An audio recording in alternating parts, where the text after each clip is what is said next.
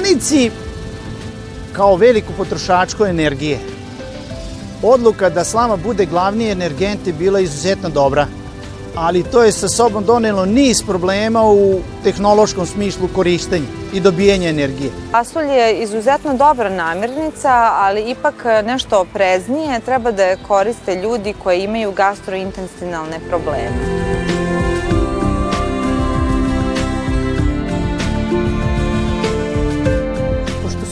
Nalazi pasulj koji je bogat belančevinama, imamo luk, imamo celerov štapić, suncokret brusnicu, ona predstavlja kompletan obrok i može da zameni svaki obrok sa mesom i sa povrćem.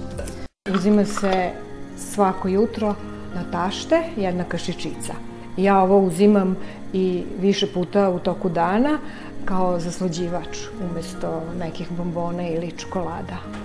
Izuzetno je dobra mešavina za čišćenje disajnih organa i pluća.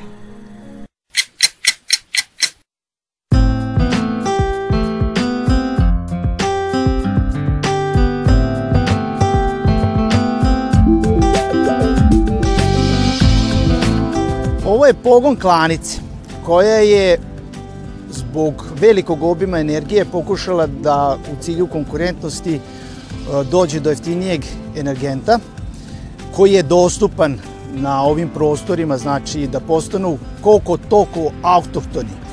Do sada se koristila tečni energent, ali zbog toga što je to preskupo u današnjim uslovima, a potrebe za energijom su velike, e, tako da mora se grejati klanični prostori, moraju se obezbediti sanitarna voda za pranje ruku, ljudi, opreme i ono što je najvažnije u klanici gde odlazi najviše energije treba da se obezbedi tehnološka para. Tu tehnološku paru po obimu i po intenzitetu u klanici je najteže proizvoditi, znači postoji drugi, drugi pogoni u, u oblasti agroindustrije gde treba energija, ali nigde tako složeno kao u klanici.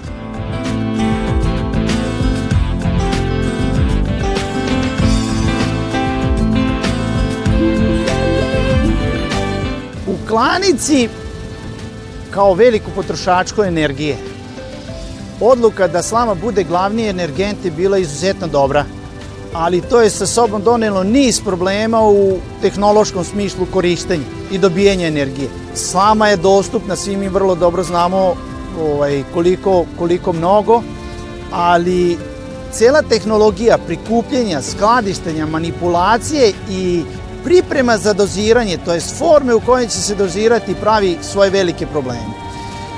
U početcima korištenja biomase, pre svega ove iz agrosektora u Srbiji, uglavnom je korištena balirana slama, ali to su bili pogoni u kojima se uh, uglavnom uh, greni medijum koristila topla voda. U klanicama je nešto drugačije, pošto je greni medijum vodena para. I tu bale slame koje šaržno sagorevaju, znači u jednom trenutku izuzetno mnogo, u jednom trenutku malo, nemaju mogućnost da se koriste. Zato je neophodno usitniti slamu i kao takvo je dopremati do kotla da bi tamo je sagorevali. Ovo što ovde vidimo iza mene, to je znači ulaz biomase u pogom za sagorevanje i dobijanje tehnološke pare i tople vode.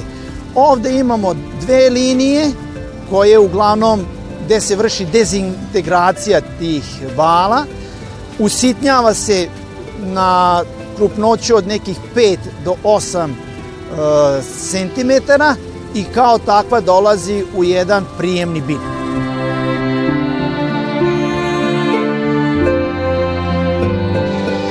Kada su velike bale slame došle u dezintegrator, tamo su se usitnile i pneumatskim putem se prebacuju u ovaj jedan među koš gore. Taj među koš služi da ne bi imali problema prilikom doziranja slame u kotao, znači da uvek imamo dovoljnu rezervu da e, može da se slama pošalje na sagorevanje. Jako je bitna stvar da tu imamo i protivplamene barijere, da se slučajno plamen ne bi vratio iz kotla kada se smanji e, intenzitet njegovog rada i zato imamo dve plamene, protivplamene barijere, dole dolazi do puža i kao takava slama nastavlja u ložištu. U ložištu se nalazi pokretna lančasta rešetka, što baš i nije uobičajen sistem sagorevanja pšenične slame. Pšenična slama kao takva ima nisku temperaturu topljenja pepela. I jako je bilo riskantno to i odabrati takav kotao da se u tako složenim uslovima kao što je rad u klanici, da se dobija tehnološka para.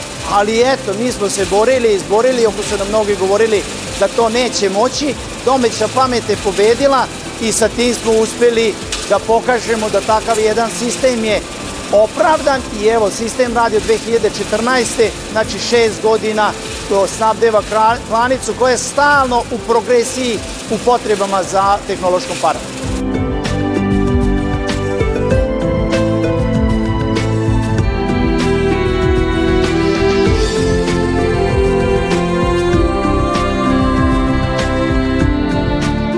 Kada je slama ušla u kotao, dešava se proces njenog sagorevanja.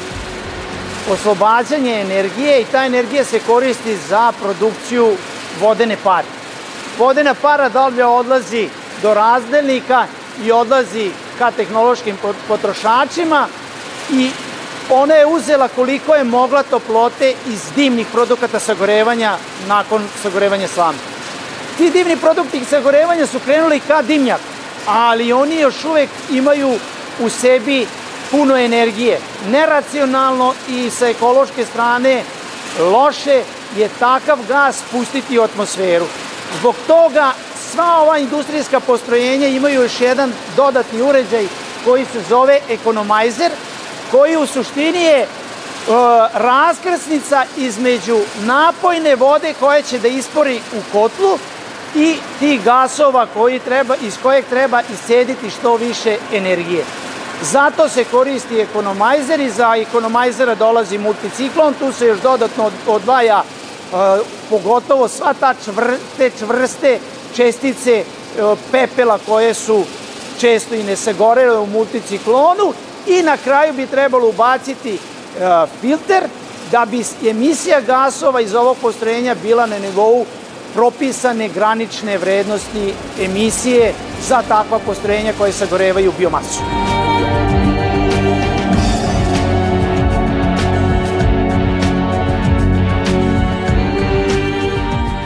Znatna stavka u energetskim potrebama u klanici se odnosi na sanitarnu vodu. To je voda koja se koristi za pranje ruku, pranje pogona i sanitaciju pojedine opreme. Ova voda se zagreva sa vodenom parom iz kotla preko razmenjivača, dobošastog razmenjivača i ovde se zagreva preko 20.000 litara vode za potrebe klanice.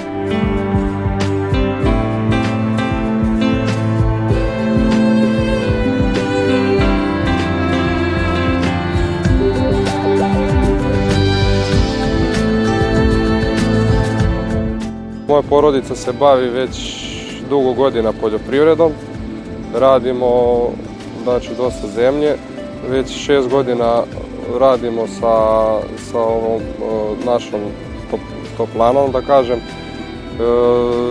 useve sa naših njiva vršemo, žanjemo i tu slamu koju dobijamo naše pšenice, koju sejemo, naravno mi, e, presujemo i dovozimo ovde u naše hale. Nju sagorevamo, ložimo, da kažem, i pravimo paru i pokrećemo našu celu proizvodnju mesnu industriju. Na taj način se ekološki malo štitimo našu prirodu, znači ne zagađujemo baš toliko kao da bi se sad grejali na, na naftu, na gas, na kameni drveni ugalj. Dakle, malo vodimo računa i o tome i pritom je nam, dosta nam je jeftinije da se grejemo na slamu i da pravimo proizvodnju preko slame. E, otprilike trošimo oko 10 bala slame, to je oko 3 tone dnevno. E, te 3 tone otprilike koštaju negde, pa, ajde da kažem, oko desetak evra do 15 evra dnevno. Ranije, dok nismo imali e, pogon koji dezintegriše slamu, mi smo koristili ugalj, mrki ugalj iz Resavice, trošili smo oko 2,5 tone tog uglja, 100 eura je tona, znači oko 250 eura nas je koštalo dnevno. Sad vi vidite koliko je to manje kad je u pitanju slama. Godišnje otprilike potrošimo oko 4000 bala slame. To je neka realna potrošnja. Od toga mi obezbeđujemo kompletnu energiju za proizvodnju, znači za šurenje svinja, za preradu i kompletno grejanje zgrada, magacina, svega. To je otprilike dnevno oko 20 do 25 tona pare proizvede ovaj pogon. PPO kao produkt sagorevanja slame koristi se opet za đubrenje njiva. Bio je veliki izazov ovaj, doći do takvog jednog pogona. Ovde je e, odluka za investiranje doneta još 2014. godine i ovo sve jeste uvozna oprema, ali je e, plod naše domaće pameti i ovo bi trebalo da bude podstajeh drugim i sličnim industrijama da krenu ka takvom dobijenju energenta kao što je biomasa. Sad, da li je ekološki ili nije ekološki, to je stvar oko koga se vodi svetska diskusija da li se to troše resursi, pre svega se misli na zemljište ili ne, ali jedno je sigurno, ovaj pogon neće zavisiti od, u, u celosti od uvoznih energenata i ovladaće sa tehnologijom koja će mu omogućiti i u teškim situacijama da e, ima nesmanjeni obim proizvodnje.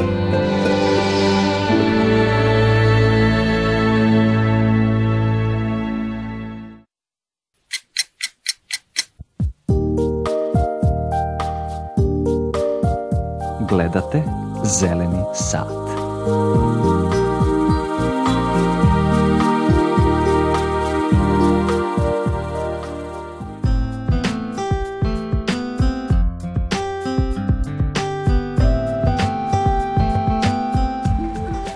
Pasulj spada u grupu mahunarki koje pored leblebija, graška spada u i visoko vredne namirnice, zbog svog sastava koji upućuje na razne vitamine, pre svega vitamine B kompleksa, razne minerale poput e, bakra, molitbena, magnezijuma, kalijuma, e, zatim jako je bogata namirnica biljnim vlaknima i zbog toga pasulj predstavlja namirnicu sa niskim glikemijskim indeksom, što je jako korisno jer e, duže vremena može zadržati sitost. To je pre svega važno u ishrani dijabetičara i ljudi kojima je od veće značaja da zadrže stabilan nivo glukoze, kao što su ljudi u e, insulinskoj rezistenciji koji su skloni hipoglikemiji i e, jako je bitna ova namirnica kod ljudi koji žele da smršaju zato što duže mogu održati osjećaj sitosti.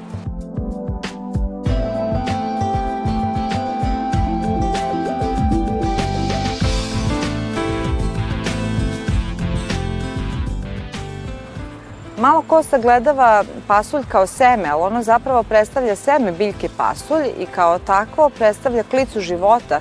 Naime, ima izuzetno korisne sastojke poput folne kiseline i gvožđe. Ne trebamo to izgubiti iz vida kada želimo da pasulj uvrstimo u svoju ishranu. Takođe, pasulj se smatra jednom od top 10 namirnica po broju antioksidanata i na taj način čuva imunitet i štiti nas od svih zapaljenskih procesa.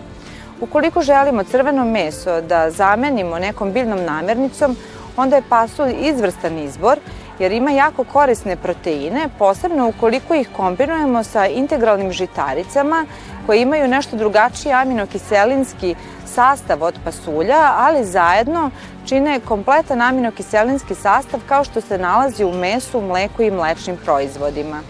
A na ovaj način dobit ćemo manje holesterola i manje energije. Pasulj je poreklom iz Perua i pošto je veoma pristupačan izvor proteina, njegova proizvodnja se vrlo brzo proširila po svetu, pa je to tako danas i kod nas.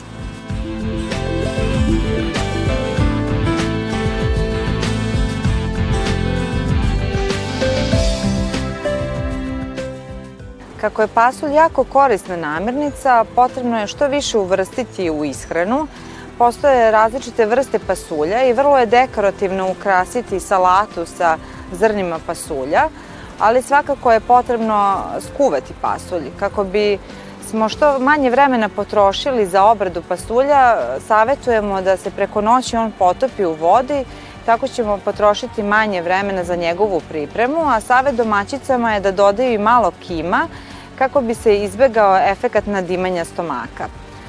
Razni su načini da se uvede pasulj u ishranu, tako da može podloga za picu umesto paradajz sosa da se napravi pire od pasulja koji se može obogatiti začinskim biljem i to bi bila izvrsna ideja. Takođe, pire od pasulja sa supom može biti delikatan preliv za testenine. Isto može da se napravi nešto poput pesta za namaz na hleb i na bruskete. Pasulj je izuzetno dobra namirnica, ali ipak nešto opreznije treba da je koriste ljudi koji imaju gastrointestinalne probleme.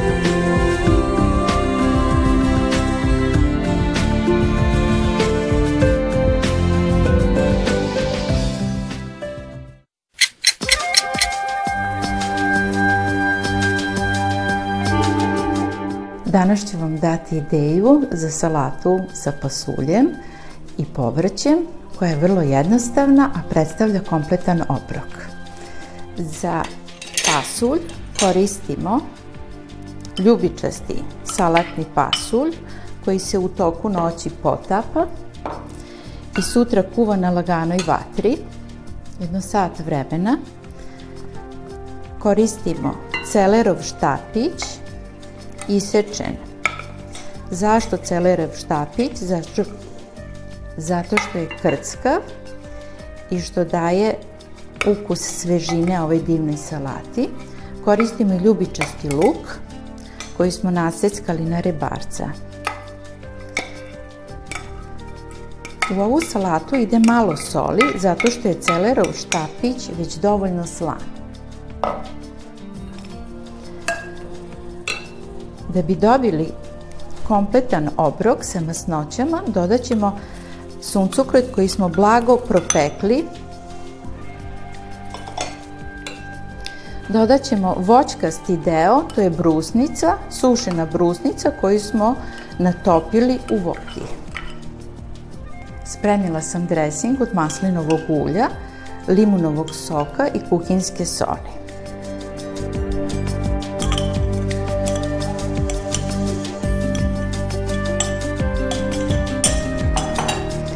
Salatu blago promešati.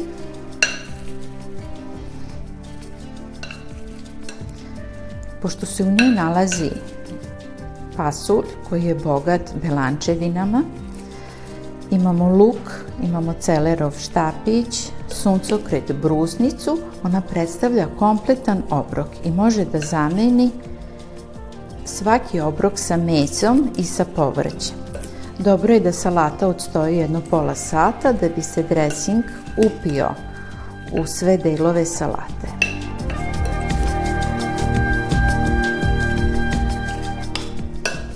Salata je spremna i za pola sata može da se konzumira.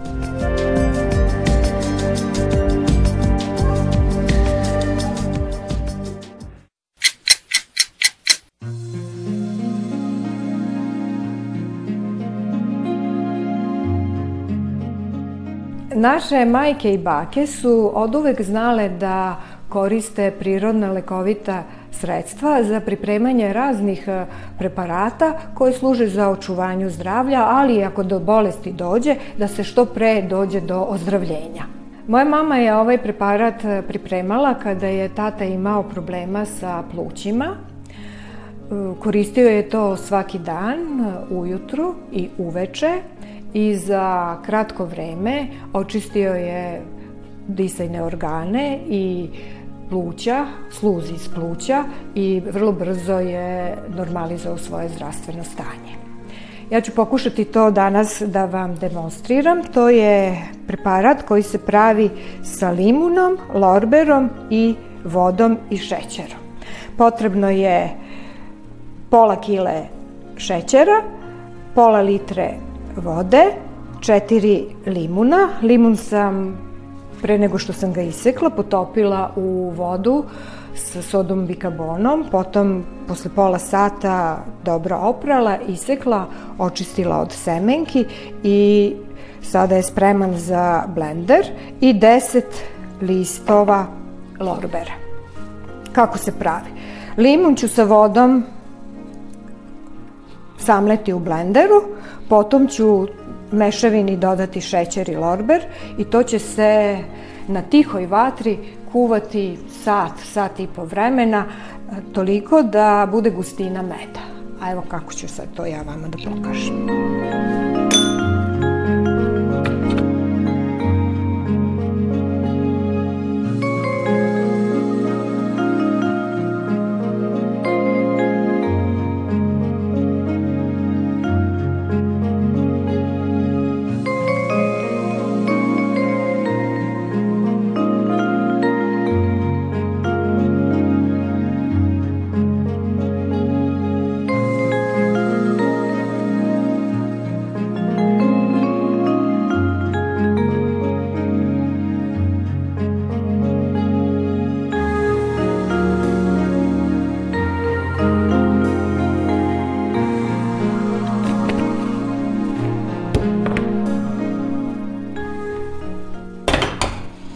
Ovo dodajem pola kilograma šećera, 10 lorbera,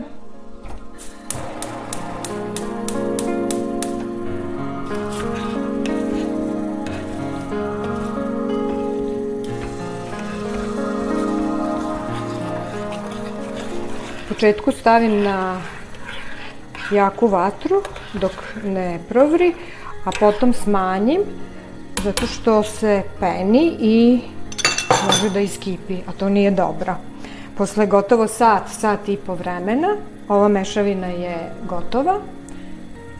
Sipa se u tegle, kada se ohladi, ona želatinira i uzima se svako jutro na tašte jedna kašičica. Ja ovo uzimam i više puta u toku dana, kao zaslađivač umesto nekih bombona ili čokolada. Izuzetno je dobra mešavina za čišćenje disajnih organa i pluća. Dakle, uz ovu mešavinu, moj svakodnevni antibiotik je propolis i propolis kapi. Svaki dan 20 kapi na hleb, polako sisati, odnosno žvakati, kako bi propolis obložio usnu šupljinu i dezinfikovao ne samo usta, nego i ždrelo. A ovo je ta mešavina, šećer, limun, lorber i voda koja je želatinirana i izuzetno je ukusna.